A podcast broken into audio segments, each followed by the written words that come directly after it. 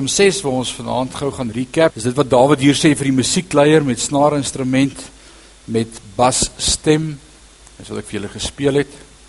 Wat was die mood van daardie stuk wat nou gespeel het? Ek was opgewek gewees of is dit depressing? So amper hoor jy jouself in musiekvorm. Dit was nie opgewek nie. Jy sê dit was depressing sy instrument sou wees dan dis hoe dit klink.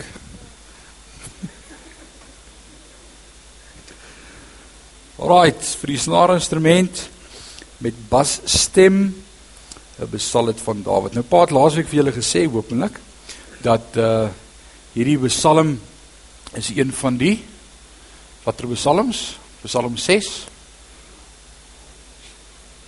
'n Boetepsalm. Wat beteken 'n boetepsalm? Dit is 'n psalm waarin Dawid repent, waarin hy bely dat hy sonde het. Uh die Engels sê dit so mooi. En as ek dit direk afvertaal, dan beteken die psalm van die siek heilige, the psalm of the sick saint. Right, dis Dawid. Dawid hier die outeur van hierdie psalm uh, is met siekte platgeslaan of ellende klaar blyklik as gevolg van sonde in sy lewe en daar is 'n spekulasie dat dit die sonde was wat mag deel het met sy immorele verhoudings. En as gevolg van dit, so of dit nou depressie was omdat sy hom gelos het of watter siekte ook al, maar die rabbies verkondig dit ook as 'n teologie onder die Hebreërs vandag nog dat dit verwys na die areas in Dawid se lewe hierdie siekte.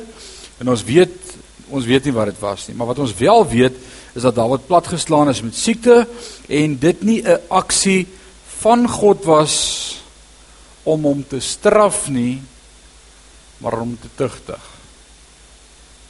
En ons kan daaroor gesels. Wat is die verskil tussen straf en tug? Alraight, so ons gaan daaroor gesels. Psalm 6 vers 1 vir die musiekleier met snaarinstrument, 'n basstem uh, Psalm van Dawid. So met basstem is 'n oktaaf laer of agt note laer as wat die wysie die melodielyn gewoonlik sou wees en dis wat die basvoël vir julle nou gedemonstreer het. Dis 'n lae klank. Psalm 6 is een van sewe boete psalms, het Pa dit vir julle gesê. Daar's sewe van hulle, Psalm 6, Psalm 32, Psalm 38, Psalm 51. Ek gaan dit vandag, Psalm 102 Psalm 130 en Psalm 143. Sewe boetepsalms. En as jy hierdie sewe psalms gaan deurlees, dan is dit die sewe psalms waarin Dawid repent, bely dat hy sonde het, vir God om vergifnis vra vir sy toestand, 'n belydenis van sonde. O Here, straf my nie in die toorn nie en kastei my nie in die grimmigheid nie. Wees my genadig, Here. Nou wil ek sê wanneer God my en jou tugtig, is dit nooit in grimmigheid nie. God verloor nooit sê meer met ons en gryp ons aan die nek en sê nou het ek genoeg gehad nie. Nooit. Soms as ons ons kinders tugtig, is dit uit grimmigheid. En dis altyd die verkeerde optrede, altyd. Ons moet ons kinders nooit tugtig uit grimmigheid of uit woede uit nie, maar uit omgee en uit liefde. En dit is bietjie anderster. Sy tugtigheid is nooit straf vir ons sonde nie, maar eerder om ons te korrigeer. Die Engels sê dit so mooi to correct us. Is dit nie pragtig nie? God straf jou nie vir jou sonde nie. Dawid hier sonde in sy lewe, maar God is nie besig om te straf omdat hy sonde gedoen het nie. Nee, God gebruik hierdie siekte om vir hom te wys, bietjie links, bietjie regs, bietjie nader, daar's hy, dis waar ek jou wil hê.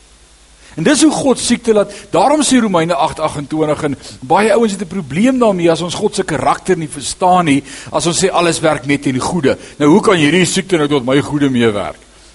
Want God gebruik ook die siekte of die smart en die ellende en die pyn in ons lewe om ons op daardie plek te kry waar hy ons wil hê. Ons het dit gesien toe ons Job behandel het laas jaar, onthou julle? Dis hoe God werk. So daar is reeds gedeel met straf van sonde. Ek wil hê jy moet dit verstaan altyd vir die res van jou lewe. God het klaar gedeel met sonde. God is nie meer kwaad vir ons nie. Sy seun Jesus Christus het in ons kom plekke ruil aan die kruis. Hy het gesê, dit wat vir my bestem was, gee ek vir jou die kroon van geregtigheid en dit wat jy voorbestem was, die hel, neem ek die sonde op my en ek gaan daarvoor sterf. God is nie meer kwaad vir sonde nie. Ons is klaar met sonde. God het betaal vir sonde. Jesus, sy seun het klaar daarmee gedeel. So sy tugtiging is nooit straf vir ons sonde nie, maar eerder om ons bietjie te korrigeer en ons reg te help sodat ons op sy pad kan loop. Net soos wanneer ons ons kinders tugtig, is dit nie vir ons stel om straf te wees nie, maar eerder om hulle reg te help. As ek vir hom sê moenie oor die hek klim en in die pad gaan speel nie, en hy klim oor die hekke gaan speel in die pad, en ek voeter hom, dan is dit nie omdat ek hom wil straf omdat hy nie geluister het nie, maar omdat ek hom wil leer sodat 'n trok nie môre oor hom ry nie.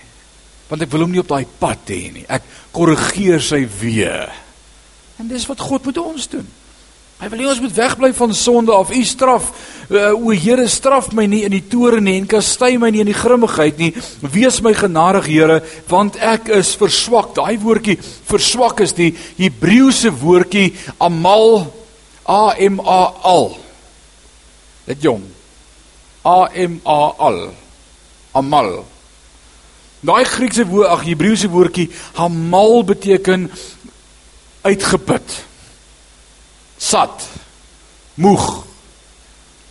Hy sê my ek is verswak. En dan vra hy maak my gesond Here want my gebeente is verskrik. Nou dit is pragtige pragtige beeldspraak hierdie as jou gebeente verskrik is. As jy geskrik het, wat doen jy? Jy bewe. Hy sê my lyf bewe. Hy het al koue koors. Right? Ja, my siel is baie verskrik. En u, Here, tot hoe lank? Hoe lank moet dit aanhou? Hoe lank moet dit aangaan? Hoe lank moet dit wees? En, en hierdie is die eerste keer van 16 keer in die psalms wat Dawid dit gaan vra, hoe lank? Maar vanaand sê jy, ek het ook al dalk vir die Here gevra, hoe lank? Het jy al vir die Here gevra hoe lank? Sê jy ook dalk in 'n krisis en jy sê Here, hoe lank? Maar die vraag moet nie eerder wees Here, hoe lank nie of wanneer kom ek uit hierdie omstandighede uit nie, maar eerder Here, wat moet ek hieruit kry? Wat wil U in hierdie omstandighede hê dat ek moet leer? Dis die vraag. Dis die vraag. Onthou ek en jy is net bekommerd oor hier en nou. Dis tog ons worries. Ons worries is nie verder oor die dag van môre nie want die Bybel sê mos moenie bekommerd wees oor die dag van môre nie. So alwaar ons worry is hier en nou. Wat ons het en wat ons nie het nie. Dis ons worries. God sê ek worry nie regtig oor hier en nou vir jou nie. Ek probeer jou reg kry om vir 'n ewigheid saam met my op die regte plek te wees. En ek en jy sien dit mis. Ons dink dit gaan oor hier en nou. God sê nee, daar's 'n ewigheid wat voorlê en ek wil asseblief nie jy moet lyk soos wat jy nou lyk vir die res van die tye nie. Ek probeer jou reg kry want ek het jou gekies as priester en profeet in die 1000 jaar en ook in die millennium en dit wat kom sodat jy ander sal kan leer van my. En hoe gaan jy ander kan leer as jy nog self nie geleer het nie? So ek het jou lief genoeg om nou vir jou te leer die weg van die Here. Is dit nie awesome nie? Dis ons is besig met opleiding. Daarom vra ou mense soms vir my 70, 80, 90. Hoekom lewe ek nog? Wat is die Here se plan vir my? Dalk is sy plan vir jou nie hier nie, maar hy's nog besig om jou hier dinge te leer vir sy plan met jou daar. Is dit nie awesome nie? Ek onthou ek en hom MC Foster het baie daaroor gesels. Sê pastoor ek is al in die 90, die Here moet my kom haal. Sê ek oom, dit nie oor wat jy vir die Here kan doen nie, is wat hy nog met jou wil doen. En ons vergeet dit. Dis presies wat Dawid hier sê. So met God se toets is daar nie dryp nie. Daar's nie dryp met God se toets nie. Jy kom hom deur en dan gaan jy na die volgende toets. Of jy hou aan en aan en aan en aan om hy toets te skryf totdat jy hom slaag. Maar jy gaan hom deurkom. Soos jy vanaand sê, maar ek skryf al hoe lank aan hierdie krisis en hier's mense wat dit nou vir my sê. Jy dink dit. Ek kan gedagtes lees. Jy sê maar hierdie krisis skryf ek nou al vir so lank, dan wil ek vir jou vanaand goeie raad gee. Kom dit net deur. Dan is dit verby. Leer wat God vir jou in hierdie toets wil leer. Dan hoef jy dit nooit weer te skryf nie. Want dis hoe God met ons werk. Alraight. Maar hier is wat ons ook baie vra het, vra Dawid, Here, tot hoe lank keer terug, Here, red my siel, verlos my om u goedertierenheid onwil. Hy sê, Here, ek verdien dit nie, maar vir u naam ontwil vir u naam ontwil om te wys dat u 'n genadige God is. Dan kom vers 6, want in die dood word aan u nie gedink nie. Alraight. Aan die dood word nie aan u gedink nie. Dit beteken nie wat die Afrikaanse Bybel hier gesê het nie. Want in die dood dink jy net aan God, want jy is bewus van die werklikheid van wie God is. Wat hy hier sê, is as ek dood is, het ek nie meer 'n kans om te kies om aan U te dink nie. Hierdie kant kan ek kies. Maar as ek dood is, het ek nie meer 'n keuse nie. En as ek nou dood gaan, Here, kan ek nie meer besluit om te kies nie. Dis wat hy hier sê. Alraight. Die gedagtes hier is letterlik. En as ek en jy sterf, is dit verby. Mens sê Dawid sê Here, hier het ek nog 'n kans om om U te loof want die dood word aan U nie gedink nie. Wie sal U loof in die doderyk? Ja, ons gaan eendag God aanbid vir altyd en altyd. Dis nie teenstrydig met die res van die woord nie. Maar as hy hier vra wie gaan u loof, dan kies hy van in geloof God aanbid. Ander woorde, as ek dood is, gaan ek nie 'n keuse hê nie. Dis wat ek gaan wil doen, maar hierdie kant het ek 'n besluit. Hierdie kant het ek 'n keuse. God het ons 'n keuse gegee. Dawid sê as ek dood is, het ek nie meer 'n keuse nie. Vers 7 sê ek is moeg van my gesig. Elke nag laat ek my bed swem. Dis die eerste keer in die Bybel wat die waterbed na vore kom. Raai. Ek deurweek my bed met trane. Right. Jy nie Bybel lees gaan jy goeie gedagtes kry. Afgewe my. Dit was tempting. Vers 7 sê ek is moeg van my gesig. Elke nag laat ek my bed swem. Ek deurweek my bed met trane. My oog het dof geword van verdriet. Dit het swak geword van wie al my teenstanders. Nou wie van julle kan mooi sien as jy huil? Uh uh. Alles is basemrig. Gaan weg van my al julle werkers van ongeregtigheid. Nou hier kom 'n interessante ding en ons het hom laas jaar in Job gekry. Wat gebeur wanneer God sekere dinge toelaat in my jou lewe om ons te kastei of ons te reg te wys of reg te help op die pad en om omstandighede waarin ons beland waar ons nie wil wees nie wat nie so lekker is nie. Waarvan siekte net een is en ons weet God is nie die outeur van siekte nie maar hy laat dit toe. Amen. God laat alles toe. Wat is daardie gevolg wat ons in Job se lewe gesien het toe hy deur daardie pyniging gaan en daardie daardie siekte en alles? Jy kom op 'n dag wat jy naar word vir sonde. Onthou jy dit? En wat sê wat sê Dawid hier? Dawid sê gaan weg van my al julle bewerkers van ongeregtigheid. Al die sonde en al die dinge waarmee ek my opgehou het, ek is naar vir dit. Ek wil nie daarna kyk nie. Is dit nie wat siekte soms in my en jou lewe doen wat God juis toelaat, nê? Dis om ons op daardie plek te kom wat sonde ons walg. Want ek besef maar dit verheerlik God nie. Ek het net so siek dat ek te siek is om sonde te doen. Dit waag my, dis wat Dawid hier uitroep. Hy sê gaan weg van my al julle bewerkers van ongeregtigheid. Man. As ek en jy regtig deur hierdie proses gaan, vervaag ons belange by die wêreld. Want al wat ek besef is dat die Here my nie help, kan niemand my help nie. En dis wat God doen.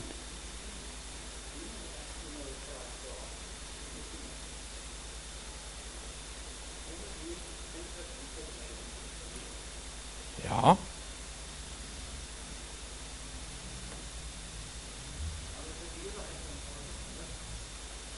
Sê weer.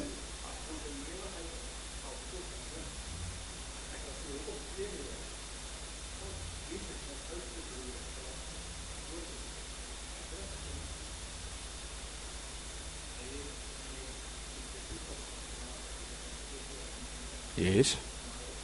Ja.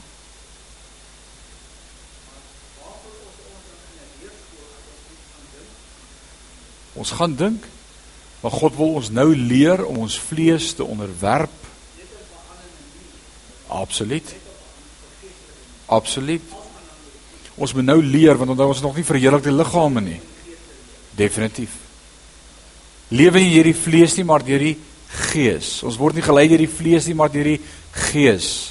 En die oomblik as daai vlees bietjie oorval dan sê die Here, "Uh uh, ek het jou lief genoeg, ek wil vir jou leer fokus op die gees." Ons verleer so vinnig dit.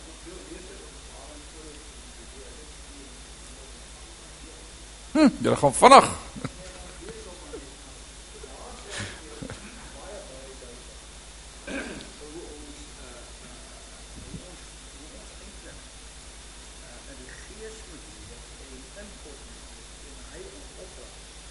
Absoluut. Dis hoe dit gaan wees. Nou as ons nie nou kan leer om te luister as God sy woord vir ons opdrag te gee nie, hoe gaan ons luister as hy enig met ons praat? Ons is besig nou om te leer om te luister. Hoe om te luister. Definitief. Ons gaan optree as priesters en konings. Nou Definitief. En God gaan vir ons opdragte gee om uit te voer. En as ons nie nou kan leer om hom te trust nie, hoe gaan hy ons eendag kan vertrou met ander? En daarom gaan almal nie enige in die hemel loon ontvang nie. En almal gaan nie enig priesters en konings wees nie. En party gaan net daar agter in die hoek staan en sê, "Wel ek is nou maar hier, maar hier's niks vir my nie." Dit gaan oor die krone ook. Definitief. So ons moet leer om hierdie kant van die graf te luister.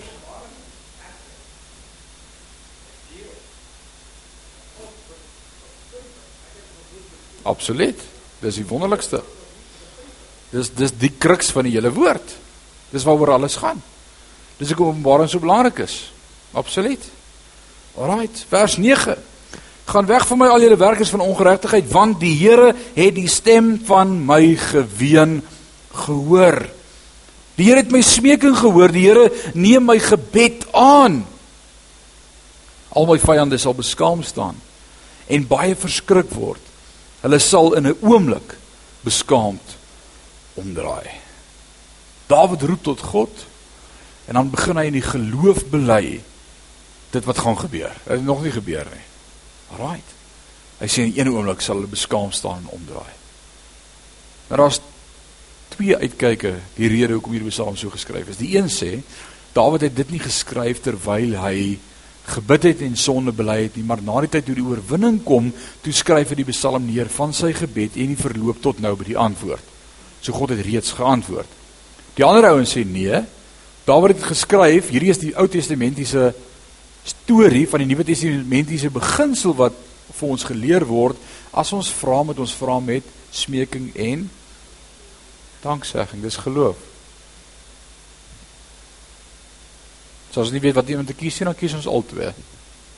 Het in geloof gebid en God het geantwoord. En so vra ek en jy ook in geloof in ons lewe en dank God hy's 'n genadige God en hy antwoord. Sê amen. Psalm 7. Yes.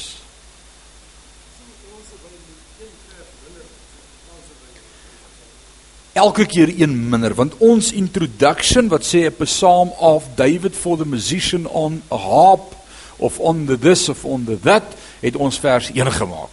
Die Engels sê, "Ah, dis nog nie vers 1 nie. Die volgende vers is eers vers 1." Dis net die intro, dis soos die titel.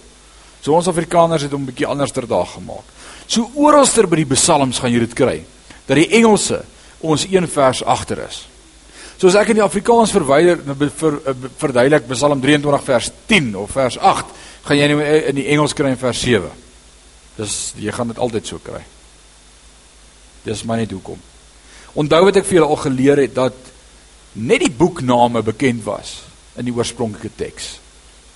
Hoofstukke perakoop titels, dis daai gedeelte wat hulle hierdie titel ingesit het wat sê hierdie gaan oor die saaier en hierdie gaan oor die 10 wyse manne en hierdie gaan hieroor. Dit was nie in die Bybel nie en ook nie verse nie. Dit was een paragraaf om mekaar.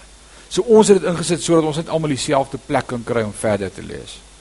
So daarom het ek geleer by Dok Gert Horak, hoe lees jy die Bybel? Jy lees die versie in konteks met die perakoop, in konteks met die hoofstuk, in konteks met die boek, in konteks met die Bybel dan verstaan jy wat dit beteken.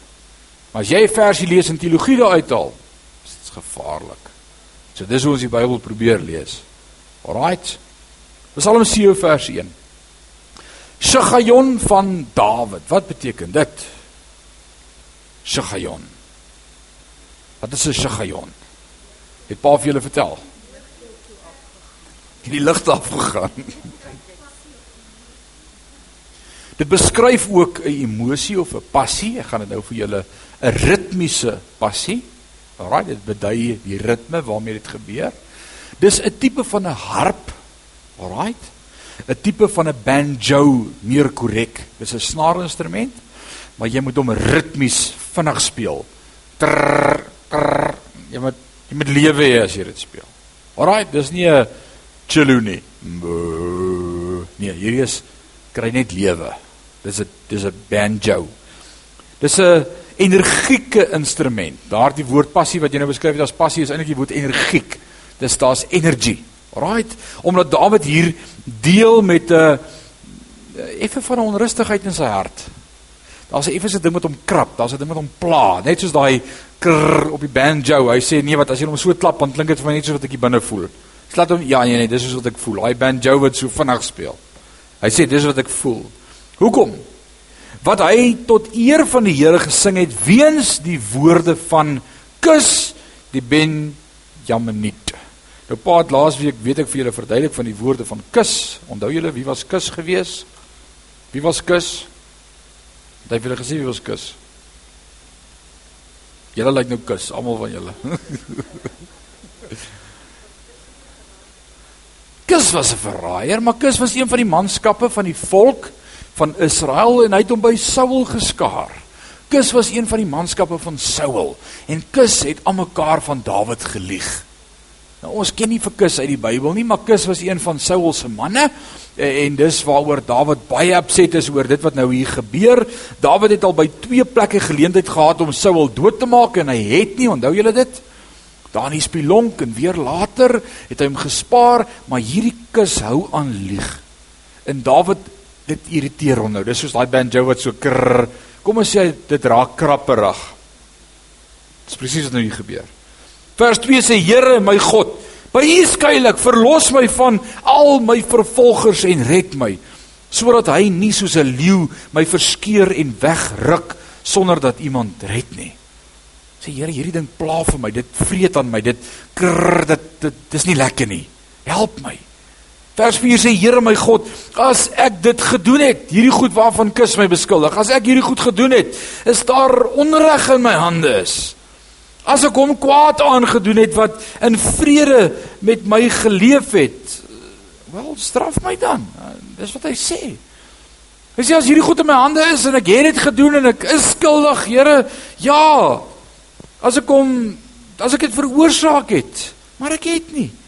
Vers 7 sê mag die vyand my dan vervolg en inhaal en my lewe teen die grond vertrap en my eer in die stof laat woon.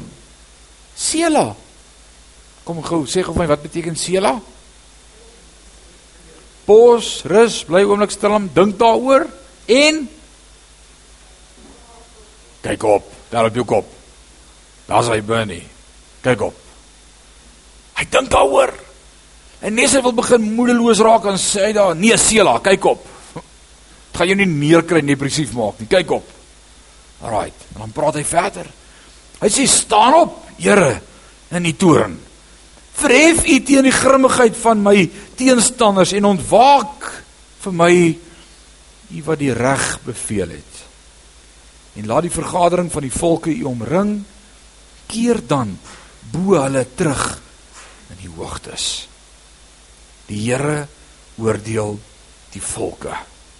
Doen aan my reg, Here. Nou dis vers 9 in die Afrikaanse Bybel, so dit gaan vers 8 wees in die Engelse Bybel. Johan, wat sê vers 8 in die Engelse Bybel? En wat het jy daar? Gooi. Ek wil ons iets wys daarvanaand wat verkeerd vertaal is in Afrikaans.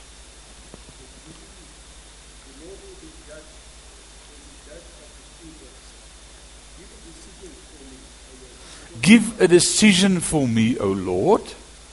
Met ander woorde hy sê Here gee die uitspraak oor my. Alraight. Wat sê die ander Engelse vertaling daarso? Wat sê die amplified? The Lord, the Lord judges the people en dan sê hy judge me o Lord. U is die regter. Imagine as ek en jy so kan bid vanaand.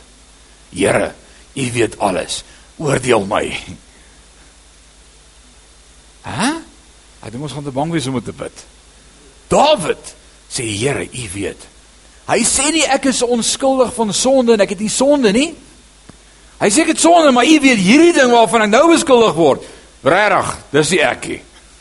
Oordeel my, judge me. Dis eintlik wat die wat die wat die amplified sê, die amplified sê, judge me, O God. Ons sing dit so rustig en sê ons search me, oh God. Dawid sê judge me. Alright, judge me. Die Afrikaans sê doen reg aan my.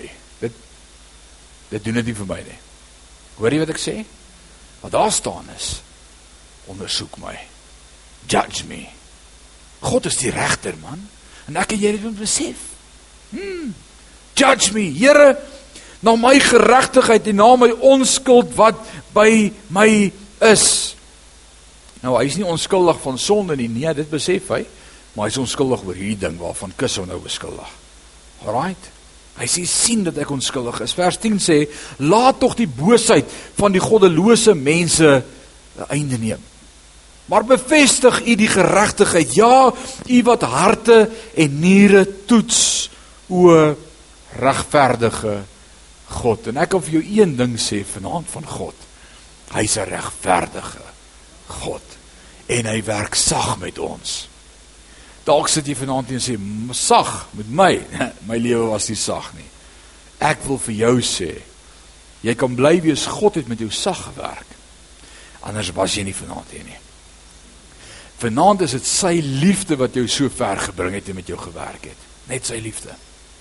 En selfs die seer en die eindes in jou lewe as jy dit as as sleg sien, Wil ek vir jou sê jy verstaan nie wat die duiwel se plan vir jou lewe nie. Dis sleg.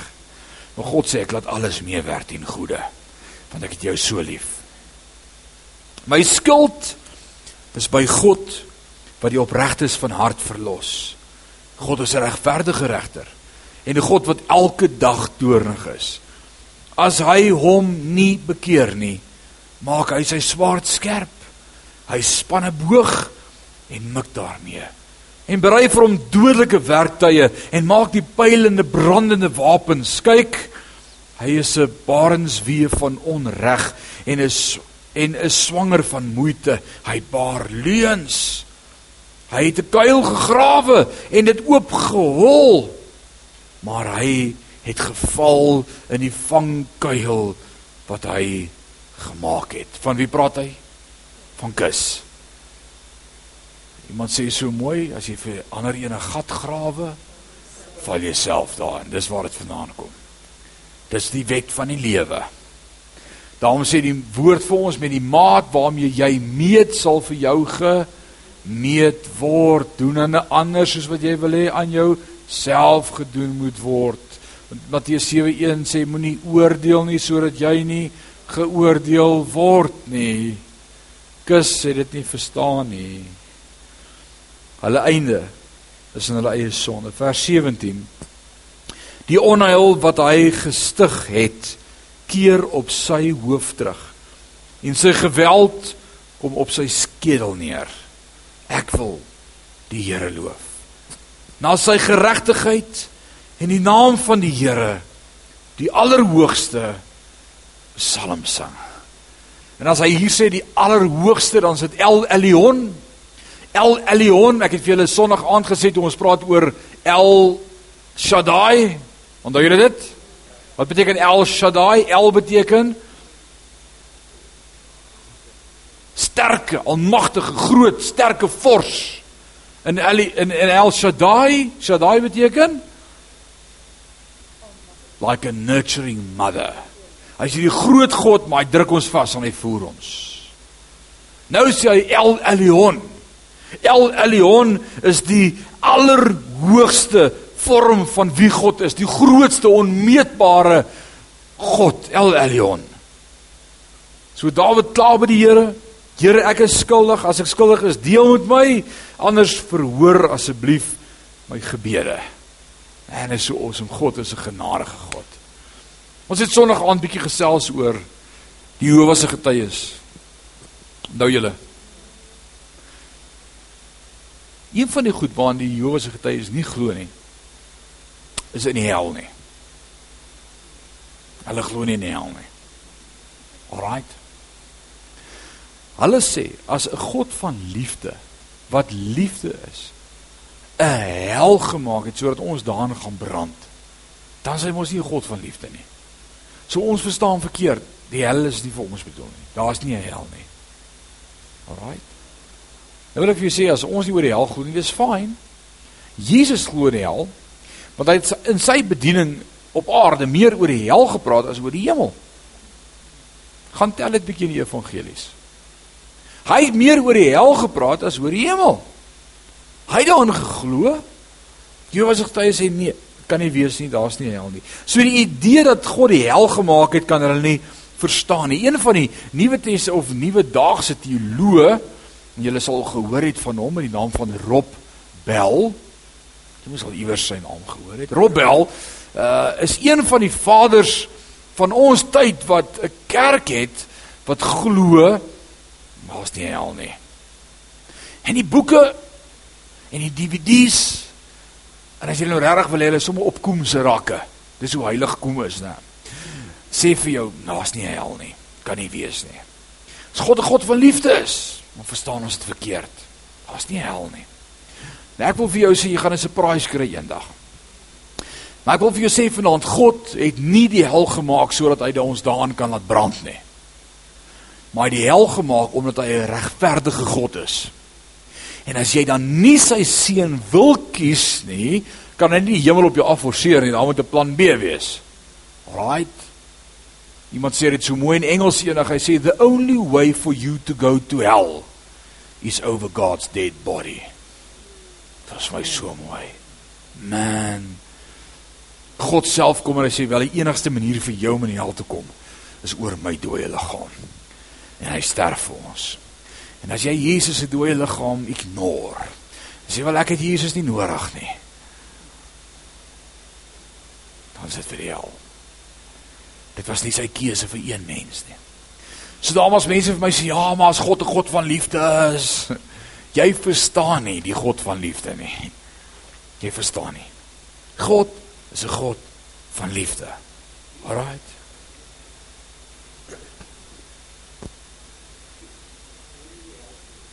Jesus om Pieter.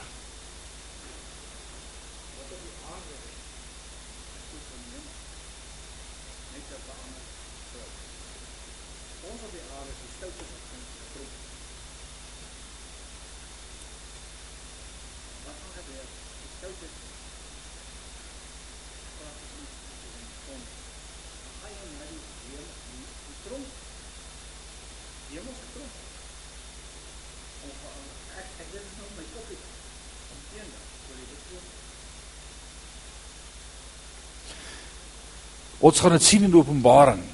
Ouens, daar's 'n wit troon oordeel en daar is die troon van God of die oordeelstroon. Alraai. Nou ek wil nou sê soos wat Shrek in die fliek die donkie, onthou julle die donkie in Shrek? Wat het hy gesê vir Shrek? Stay away from the white light. Onthou julle dit? Alraai, gaan kyk weer Shrek. As jy voor die wit troon oordeel kom, het jy moeilikheid. Jy slaag 'n judge. Jy gaan net uitvind hoekom gaan jy hel toe. Alraai. Dis die wit troon. Want jy gaan uitvind jy wou nie God dien eintlik nie. Jy het nooit sy seun Jesus aanvaar nie. Jy het die verlossing verstaan nie. Jy het nie die genade aanvaar nie. Jy het gedink jy het Jesus nie nodig nie. Jy's okay. Eendag, eendag. Maar ons gaan almal voor die regterstoel van God verskyn. En hy gaan ons nie judge nie. Hy gaan nie vir sy Rikkie nou, hoekom het jy dit gedoen en dit gedoen? Nee, hy gaan ons beoordeel op dit wat ons reg gedoen het en hy gaan ons beloon. Alraai. Ons gaan krones kry. Die hartseer is dat daar mense gaan wees voor daardie troon daardie dag wat gaan staan en huil. En Jesus sê God self sal daardie dag die trane afdroog en daar sal trane nie meer wees nie. Nou hoekom gaan hy met trane afdroog as niemand in die hemel gaan huil nie? Ons gaan huil omdat ek ewe skielik gaan besef hoe min ek met my lewe gedoen het op aarde, hoe meer ek vir God kon doen as wat ek gedoen het. Onthou ek sê vir julle altyd een ding. Nie een van die disippels wat gekruisig is, doodgemaak is, gestenig is, in kookolie gegooi is, gelei het vir die evangelie, sê vandag, man, as ek het net bietjie rustiger gevat het op aarde, as ek bietjie meer tyd spandeer het vir myself en meer alleen gaan fliek het en nee nee nee nee. Wat sê ons as ons daan die ander kant kom? Ek wens ek kon meer doen vir die Here. Alraight. Ek wens ek kon meer doen vir die Here. So moenie hierdie kant sit en sê, "Ag, oh, ja, ek het nou genoeg. Ek was nou Sondag twee keer in die kerk gewees hierdie maand. Dis nou genoeg vir hierdie maand, nee." Wat doen ek alles vir die Here? En dan wil ek vir jou sê, jy kom nie kerk toe vir die Here nie, hoor. Jy kom kerk toe vir jou. Sodat jy ekoop kan wees en dis wat ek ons traai om hier te doen. Mag die Here ons help dat ons dit reg kry om jou toe te rus sodat as jy hier uitstap jy 'n boldness het om hierdie woord wat jy begin verstaan ook met ander te deel. Dis vir my die awesome deel om hierdie woord met ander te deel. Anders is dit 'n waste. Alraight. Kom ons kyk wat sê Psalm 8. Psalm 8 vers 1. Vir die musiekleier op die getiet 'n Psalm van Dawid. Nou vertel vir my wat is 'n getiet? Dis nou nie 'n alarm wat afgaan in die oggend tiet tiet tiet. Dan sê jy mos ek hoor 'n getiet in my ore. Wat is 'n getiet? Wie weet? Dis 'n musiekinstrument definitief. Maar waar kom 'n getiet vandaan? Dit julle help. 'n Getiet is 'n instrument wat uit die wynlande gekom het van die Filistyne. Dis nie Israel se instrument nie. Right? Die Filistyne het dit gebruik om ritme te hou terwyl hulle die wyn gepers het in die parskyp. Dit was dalk 'n getiet. Right, ons weet nie. Maar dit is 'n instrument wat ritme aangegee het terwyl almal wyn getrap het met hulle voete. Ek sou bly ek drink nie wyn nie. Imagine dit. My en ons. Maar in elk geval, alright.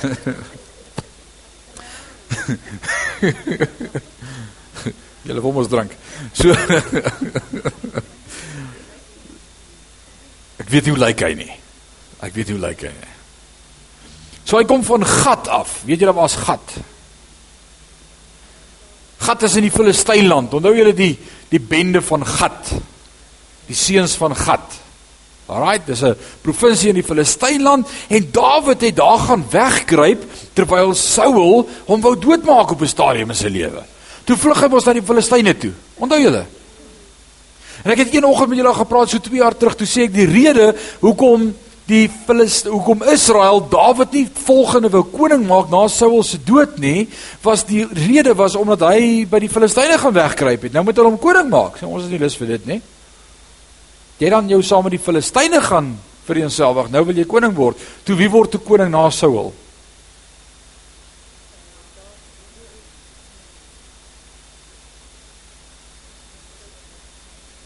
Een van Saul se seuns het nie gesterf nie. Onthou julle daardie dag op die slagveld hoe Saul sy eie lewe neem en sy seuns sy seun het oorgebly. En daai seun maak die volk te koning en dit was 'n groot gemors geweest. Dit was net vir so 'n jaar. Hy word nie eers aangeteken as 'n koning van Israel nie, want God het hom nooit gekies as koning nie. God het Dawid gekies. Maar omdat Dawid saam met die Filistyne gaan wegkruip het en die volk gesê nee, maar jy's 'n verraaier. Jy's 'n traitor. So.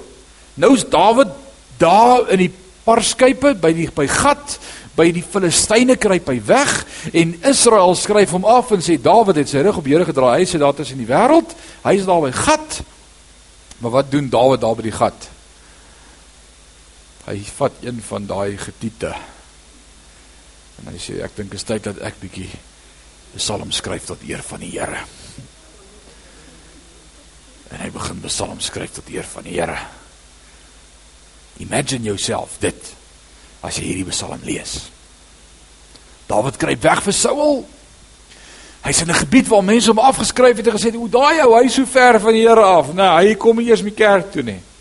En in sy krisis, daar waar hy wegkruip vir Saul, wat hy hierdie getiet En hy begin speel en hy sê: "O Here, ons Here. Hoe heerlik is U naam op die ganse aarde. U wat die majesteit gelê het op die hemele. Uit die mond van kinders en suigelinge het U sterkte gegrondves om die teenstanders ontwil, om die vyande en wraakgieriges stil te maak." Is dit nie awesome nie? Nou wil ek jou gou help vanaand. Waar in die Nuwe Testament lees jy hierdie Psalm 8 vers 3?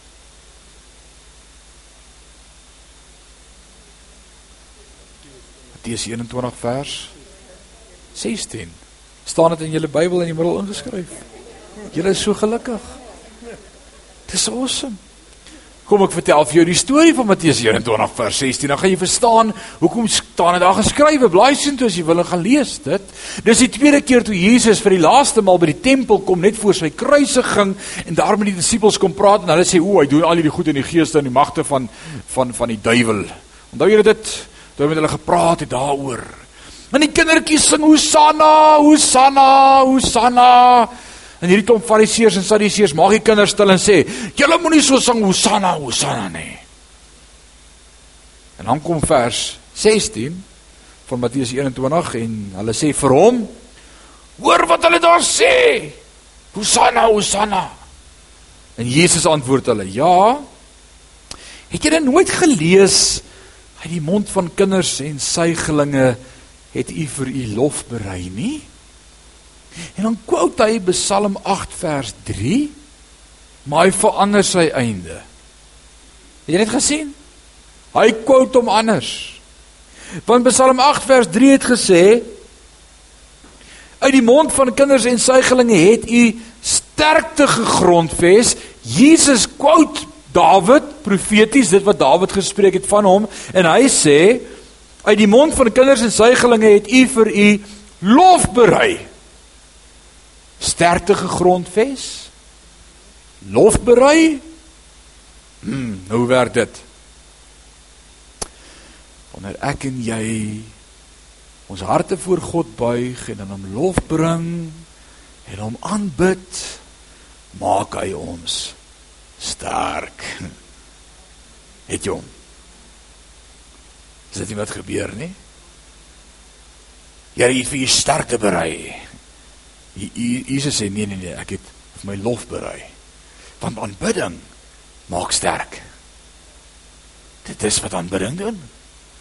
Aanbidding maak sterk wanneer jy swak voel, wanneer jy voel man, ek het nie tyd, krag om een voet voor 'n ander voet te sit nie. Ek challenge jou begin bietjie aanbid. Skielik voel jy sterk. Of sing. Of bid. Of met God praat. Of net vir hom vertel hoe great hy is skielik voel jy sterk. Want dis is die sterkte van aanbidding. Dis presies wat hier gebeur. Alraight. Die Engels sê dit so mooi. Hy sê out of the mouth of babes and sucklings thou hast perfected grace. U dit vervolmaak. Dis vir my so mooi. Alraight. Psalm 4 8 vers 4 sê as ek die hemel aanskou, die werk van die vingers, die maan en die sterre wat U toeberei het, wat is die mens dat U aan hom dink? En die mensekind dat U hom besoek. Wat is die verskil tussen 'n mens en 'n hemelse wese?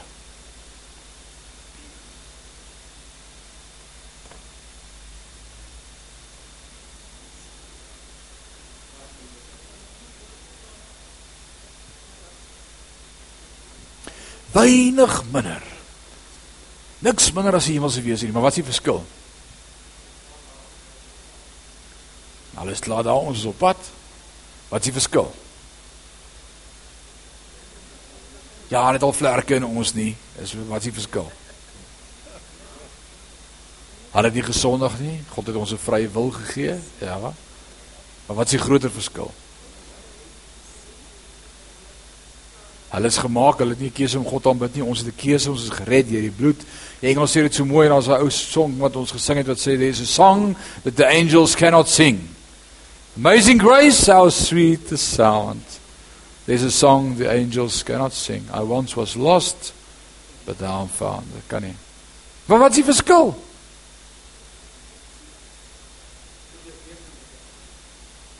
Ons is in die beeldnis van God gemaak en hulle nie.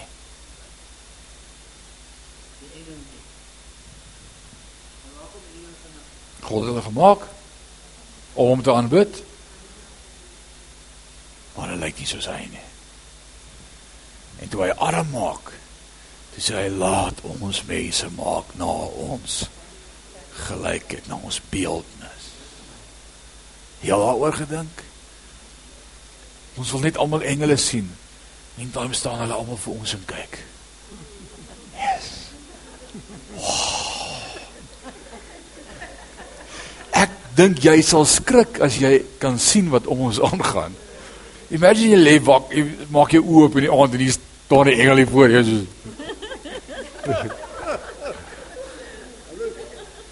Hæ? Dis die waarheid.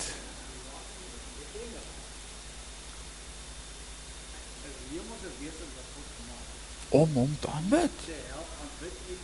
Yes. Maar Lucifer as een van die hoofengele maar hy opstaan, hy het die opstand gedoen en hy het engele omgepraat 'n Derde. om in opstand te kom. Met ander woorde, tot toi toi daar in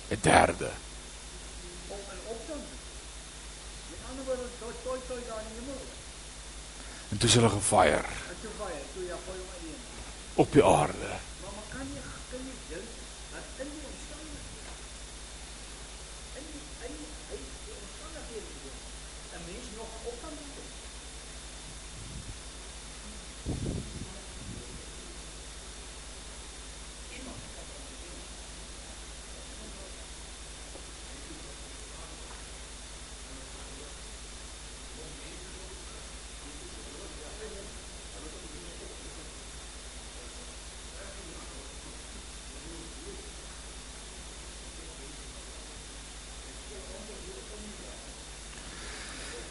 Dawid sê as ek die hemel aanskou, hy lê daar in gat.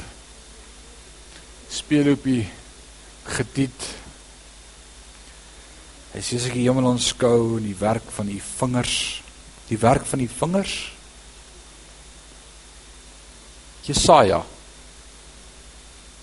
Jesaja 48 vers 13 sê God self mine hand also has laid the foundations of the earth, and my right hand outspanned the heavens.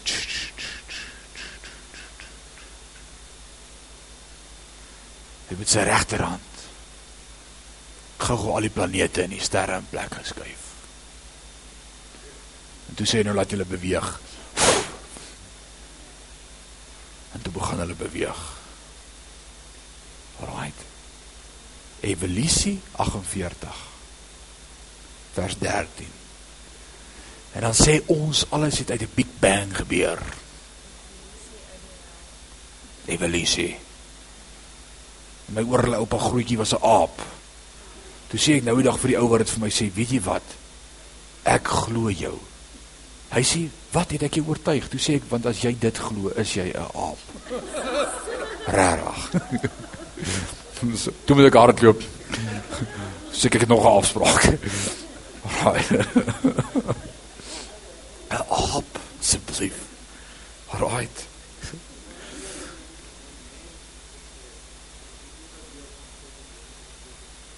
Dis die verskil. Ons is na God se beeldnis geskape. En ek gaan nou daarby kom. Ek touch op dit. Ons gaan dit nou behandel, Dion. Hoe groot is God? Het jy geweet as jy die son sou uithol? As jy die son hol maak, kan jy 1 miljoen 300 000 aardbolletjies binne in die son pas.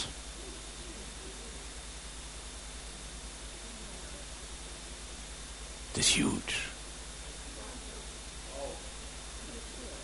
Wie hom gemaak? As jy verby die son kyk en jy kyk na Antares. Alright, of sy sy ander naam is Alpha Scorpii. Dan pas jy 64 sonne binne in hom. En in elke son is daar 1 miljoen 300 000 aardbolle. Alright. As jy bietjie verby hom gaan en jy kom by die ster Hercules, dan pas daar 100 miljoen Alpha Scorpios binne in Hercules. En in elkeen van daai 100 miljoen is daar 34 64 sonne en in elkeen van daai sonne is daar 1 miljoen 300 000 aardbolletjies. Jy doen die wiskunde. En as jy nog wil verby beweeg, gaan praat ons oor Epsilon. En die ster Epsilon pas daar 3 miljoen Herkulesse in. En in elke Herkules was daar 100 000 van daai Alpha Scorpios in en in elkeen van hulle 64 sonne en in elke son 1 miljoen 300 000 aardbolletjies. Ons is nie die grootste in die heelal nie. Wat is die mens? Wat God ons hier gesit het. A speck of dust in the universe. En nie eers met 'n vergrootglas sigbaar as ek kyk na die Melkweg nie. Dis soos Waar is die aarde nou weer? My is al iewers. God het jou gemaak. Right, na sy beeld. En hy het jou hier gesit. Ouens, dis awesome. Die son beweeg teen 124 000 myl per uur. Hy move. Dis vanaand. die melkweg die melkweg bietjie verder dit wat jy in die aande kan sien as jy as dit as jy uitry by die plaas waar die ligte nie is en jy kyk na die Milky Way die melkweg hy beweeg teen 430 000 myl per uur. Jy sien hoe verder weg jy gaan hoe vinniger moet jy goed beweeg om by te bly. En wie hulle in beweging gebring? God het 'n woord gesê, hy het gesê move. move hulle. En Dawid lê hier in die woestynland en gat tussen die vyande alleen. Kan nie by die tempel kom om te bid nie. Kan nie offer nie. Is alleen. En hy vat hierdie getiet wat se getiet is hier, hy vat hom en hy begin speel aan hom. En hy sing 'n psalm tot die Here van die Here. Wat is die mens dat jy aan hom dink? Die mense kind dat jy hom besoek. Is dit nie awesome wanneer God my en jou besoek nie? Man, dit laat my altyd met trane in my oë as God my besoek. Ek onthou die eerste keer in my lewe wat God my besoek het. Ek was 'n laaitie bietjie ouer as Dewald, bietjie jonger as Christian. En ek was op pad saam met my neefie, oom Niels hulle. Hulle het 'n kombi gery daai jare. En hulle nooi my saam op vakansie af see toe. My ma sê asseblief vat hom net saam. En ek en Paul lê agter in die kombi op die engine. Dan kyk ons hier by die agtervenster uit. Ons lê so op ons rug. En ek kyk na hierdie klomp sterre. En dan die Hannetjie leer ons daai aand 'n liedjie. Sterretjie wat skitter in die hemel. Reënboog, trans, weet nie glans. Sê vir my wat jy gemaak. Daai is jy ken sterretjie wat skitter. Ken jy hom? Nee. Ek sal die melodie nooit vergeet nie. Terwyl sy dit daardie aand sing en ek lê as kind van 8, 9 jaar oud en ek kyk uit by hierdie venster van hierdie kombi. Toe begin die trane oor my wange rol. Vir die eerste keer raak ek bewus van God. Ek raak bewus van God. Dat ek leen sob soos die Engelse sê. Geil. En as sy ophou en 'n volgende liedjie begin sê, ah, sing weer daai liedjie sterretjie wat skitter. Ek is net so bewus van 'n groot God. Ek onthou ons kom terug van vakansie af en so maand, twee maande daarna toe besoek ons gemeente, Sekunda gemeente een Vrydag aand met 'n genesingsdiens van pastoor Pieter Smit wat hy daar gehou het en ons ry so toe met die bus en almal sit daar so ekstra agter by my maale so in die regter blok. Ek sal nooit vergeet nie. Ek was 9 jaar oud. Daai aand bid hy vir siekes en hy het gepreek oor genesing en ek weet nie wat alles nie, ek het nie 'n woord gehoor nie. En daai aand toe hy die uitnodiging maak as daar siekes is vanaand, nou gaan hy vir siekes bid en hy kom staan hier voor. Toe spring ek op en ek hardloop en ek kom staan hier voor in die middel.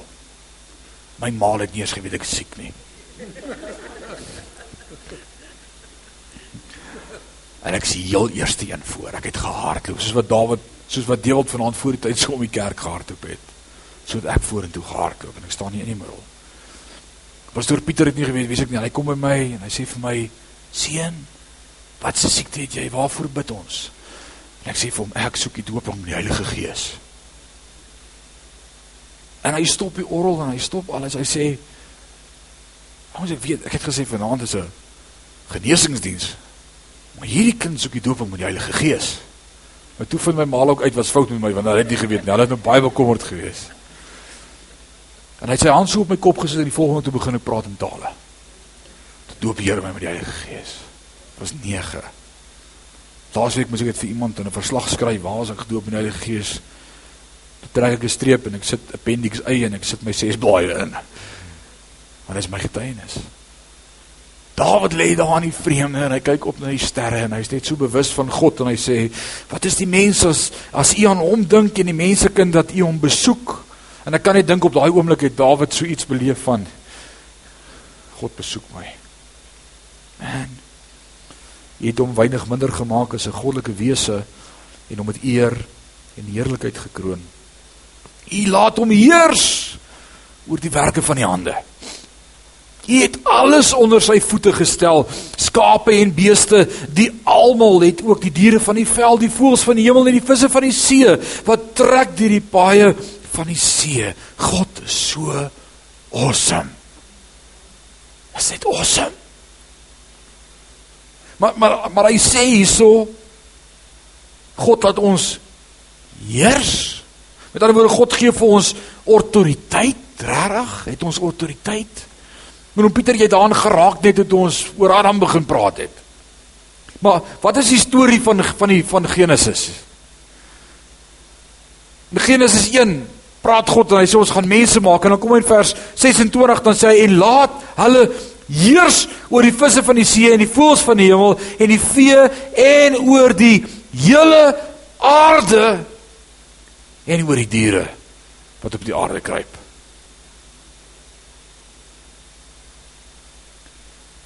God heers in die hemel en hy het sy engele en Lucifer bring 'n derde van die engele in opstand. En God skop hulle uit na die aarde toe. Gooi hulle uit. En hy was nou net mooi moeg daarvoor dat hulle op hierdie aarde kon doen wat hulle wil. God sê ek gaan 'n verteenwoordiger op die aarde plant wat die duiwel onder sy duim kan hou.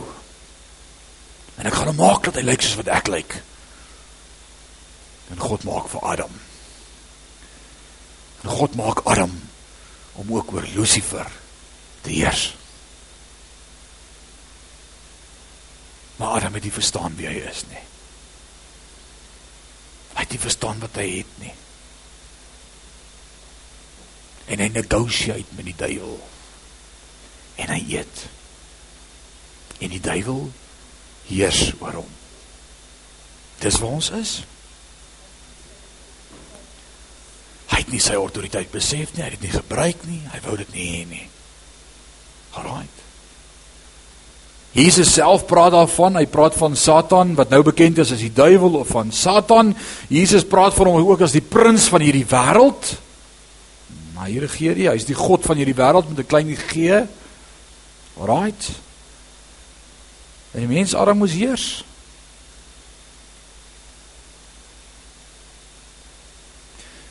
Maar ons het nie geheers nie. Ons het ons autoriteit weggegee. En nou leer ek julle onthou die gevolg van sonde was tweeledig. Gees en liggaam. Geestelike dood. Die hel. Vleeslike dood. Ons hou begrafnis. Ek sê dit elke keer op 'n begrafnis, dit lyk vir my niemand kom lewendig hier weg nie. Want ek het nog almal begrawe. Hulle gaan dood. Ons gaan almal dood. Geestelik Jesus kom aan die kruis en hy sterf vir ons aan die kruis en hy sê as jy glo, het jy die ewige lewe. My gees word gewederbaar. Maar die stuk vleis. Mm -mm. Hy sê, uh -uh. My gees sê jy moet bietjie bid. Die vleis sê Dit is nou so laat, ek is so moeg. My gees sê ek wil in God se teenwoordigheid wees. Die vleis sê wat fout met jy? Was vanmôre by die kerk? Nou leer Paulus ons Romeine 7. Hy sê dit lyk vir my na die gees dien ons die geestelike wet. Maar met die vlees die natuurlike wet. God maak ons om te heers. Maar ons is nog nie daar nie. Ons is nog nie daar nie. Alrite. Baie mense vra vir my pastoor, maar hoekom is daar nie wonderwerke nie? Hoekom uh hoekom maak ons die siekes gesond nie? Hoekom operate ons nie in die geestesgawes nie? Hoekom hoekom sien ons nie al hierdie miracles nie? Jesus het dit gedoen toe hy op aarde was. Ja, hy wou sy koninkryk kom vestig en die mense wou hom nie hê as koning van die koninkryk nie. Hulle het hom doodgemaak. En toe gee ek en jy ons harte vir die Here en nou behoort ons aan die Here en ons is in sy koninkryk en die koning bly in ons. Maar die duiwel is nog steeds die baas van hierdie aarde. Dis sy terrein. En as ons nou glo soos ander mense glo dat ons vir altyd hier op aarde gaan lewe, en dat hier nou die hemel is en ons klaar in 1000 jaar van vrede is, dan moet al die wonderwerke gebeur. Ek stem saam. Maar ons is nog nie. En die duiwel is nie gebind nie. So alhoewel God se koninkryk reeds in my en jou gevestig is, is hierdie nog nie God se koninkryk nie. Hierdie is die hierdie is die die die die domein of darkness. Hierdie hierdie is die duiwel se plek. Maar hy het my en jou gemaak as ligdraers. Hier, die, hier is die koninkryk al. Nou wil ek 'n stukkie teologie met jou deel wat jy moet verstaan, Hebreërs 2. Jy moet dit verstaan anders gaan jy altyd die verkeerde goed jaag in die lewe. Daarom wil ek dit gou met ons doen voor ons afsluit. Dit is al kwart oor 7, ek gaan vinnig maak. Hebreërs 2 vers 6 sê: Maar iemand het ergens getuig en gesê: Wat is die mens dat jy aan hom dink? Wie het dit gesê? Dawid het dit gesê in Psalm 8. Nou wie skryf die boek Hebreërs? Ek het julle Sondag aand gehelp daarmee. Ons weet nie wie dit is nie, maar ek dink dis Paulus. Paulus, Paulus, Paulus. Dit klink soos Korintiërs, dit klink soos Romeine, Hebreërs. selfde skryfstyl. Nou oom Paulus was baie lief vir die Here. En oom Paulus het die Bybel geken. En as oom Paulus gesê het, ek kan nie lekker onthou waar staan dit of wie dit gesê nie, maar iemand het eers getuiging gesê, wat is die mens? Dan hoef jy nou nie sleg te voel volgende keer as jy 'n skrifgie quote en jy kan nie vir my sê waar dit staan nie. Solank jy weet wat dit sê. Maar dit laat dit jou beter voel. Ja, kyk nou net, maak ek jou dag. Paulus quote my, weet jy lekker wie quote en hy sê, "Wat is die mens dat u aan hom dink of die mense kind dat u hom besoek?" U het hom weinig minder gemaak as engele met heerlikheid en eer het U hom gekroon en hom oor die werke van U hande aangestel. Twee verse kort uit Psalm 8 uit en hy weet nie waar dit staan nie, maar hy weet ten minste waar dit staan. Baie belangrik. Jy moet weet waar dit staan. Nou skryf hy: Alle dinge het U onder die mense voete gestel. Alles. Want in die onderwerping van alle dinge, tweede keer wat hy dit sê, aan hom het hy niks uitgesonder wat aan hom nie onderwerp is nie. Sê niks. Het hom niks. Want in die onderwerping van alle dinge het aan hom niks uitgesonder wat nie aan hom onderworpe was nie, maar nou sien ons nog nie dat alle dinge aan hom onderwerp is nie. Ons sukkel soms om die duiwel weg te jaag. Ons kry dit ook nie lekker reg nie. En ons raak nog siek. En ons het nog issues. En in my eie lewe en jou lewe sê ons baie keer, man, alles is net nie lekker onderwerp aan die Here nie. Wat is die issue? Is ek nou nie God se kind nie of wat? En ons is vol van geloof en ons gaan op konferensies of ons gaan op sendingveldtogte en ons bid vir die siekes en ek bid vir 20 en daar is die een wat gesond word en ek dink Here, het ek nou nie geloof nie of wat? Hoe werk dit? Jy moet verstaan wat sê Hebreërs. Hy sê al hoewel alles onder ons voete onderwerp is. Ons sien dit nog nie. Dan help hy ons verder. Hy sê maar nou sien ons nog nie dat alle dinge aan hom onderwerp is nie, maar ons sien hom. Wie's dit? Naamlik Jesus vers 9 van Hebreërs 2. Wat vir 'n kort tydjie minder as 'n engel gemaak is wanneer dit gebeur. Toe hy op aarde was. Hy's gedemout. Hy't mens geword. Alraight, vanweë die lyde van die dood met heerlikheid en eer gekroon, sodat hy deur die genade van God vir elkeen die dood sou smaak. Want dit het hom betaam. Terwille van wie alle dinge en deur wie alle dinge is, as hy baie kinders na die heerlikheid wou bring om die bewerker van hulle saligheid deur lyde te volmaak. Sê amen. Verstaan jy wat daar staan? Hy vertel vir jou wat moes gebeur het aan die begin in Genesis. Maar ons het die plan gemis. Right. En hy sê ons weet dis vir ons term so te wees, maar my oë sien dit nie. Ons jou oë ook nie. Hy sê maar hom, Jesus Christus. Hy het al reg gekry.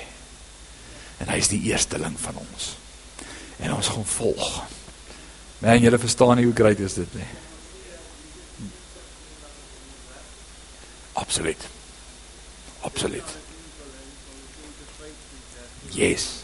Dis presies die bevestiging van wat die Hebreërs skryf. Hier vir ons skryf in Hebreërs 1 vers 10 en 11. Dis presies dit. Alraight. Nou sien ons nie die mense in beheer nie, maar Jesus is in beheer. Jesus is in beheer. Jesus ry op die bootjie en die storm kom en hy sê storm stil. Stil is die storm. Want hy die heerskappy onder sy voete.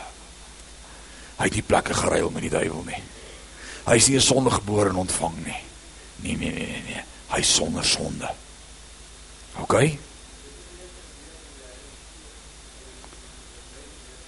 Absoluut na sy doop.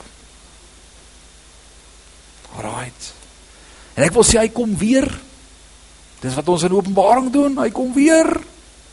Sê amen. Hy kom weer. En ek wil vir jou sê as dit wat ons in die evangelies lees van wat Jesus op aarde gedoen het, as jy dink dis indrukwekkend. Dis nog nie 'n druppel in die emmer van wat gaan gebeur as hy in Jerusalem op die troon gaan sit en regeer op aarde nie. Alright. Want dan is sy koninkryk hier. Oom Pieter. En as ek en jy nie nou kan leer om gehoorsaam te wees aan hom nie, kan hy ons nie dan rondstuur en gebruik om vir hom te werk nie. Want hy kan ons nie trust nie.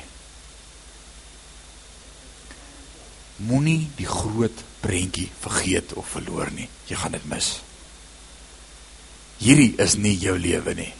Hierdie is kweekskool. Alraight. Kom dit deur. Leer. Leer, leer, leer, leer, leer.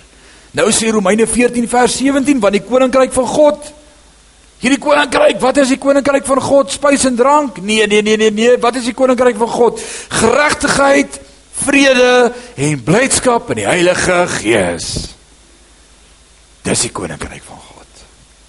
Alraight. Man, God heers in ons harte intern, intern, intern. Maar eendag as hy terugkom na die aarde. Yes. Dis awesome.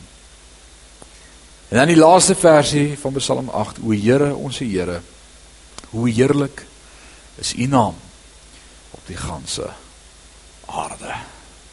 Volgende week kyk ons na die afsterwe van Goliat in Psalm 9. Alraight. Gaan lees om daar die seun van die Filistyne wat dood is en ons gaan volgende week aangaan. Kom ons staan en bid ons saam. Ekskuus ek het julle lank gehou vanaand. Dis omdat ek 2 weke se preek moes preek. Ek het julle gemis laas week, hoor. Rarig. Ek het julle gemis. Julle gemis. Amen. Hemelse Vader, wat 'n voorreg dat ons U woord mag bestudeer. Dankie dat ons nooit U woord wil gebruik om onsself te regverdig nie, maar om onsself aan te spoor en aan te spreek en te sê, Here, werk met ons, verander ons, maak ons nuut. Help ons dat ons sal verstaan. Ons sê vir U dankie daarvoor, Vader. My gebed vanaand vir elkeen hier teenwoordig is dat U in ons sal werk dat U met ons sal werk in hierdie week, Here. Dankie dat ons vanaand onsself kan opnuut oorgee aan U en sê Vader, wees alles in my lewe. Dis ons gebed in Jesus naam met danksegging en ons sê amen en amen.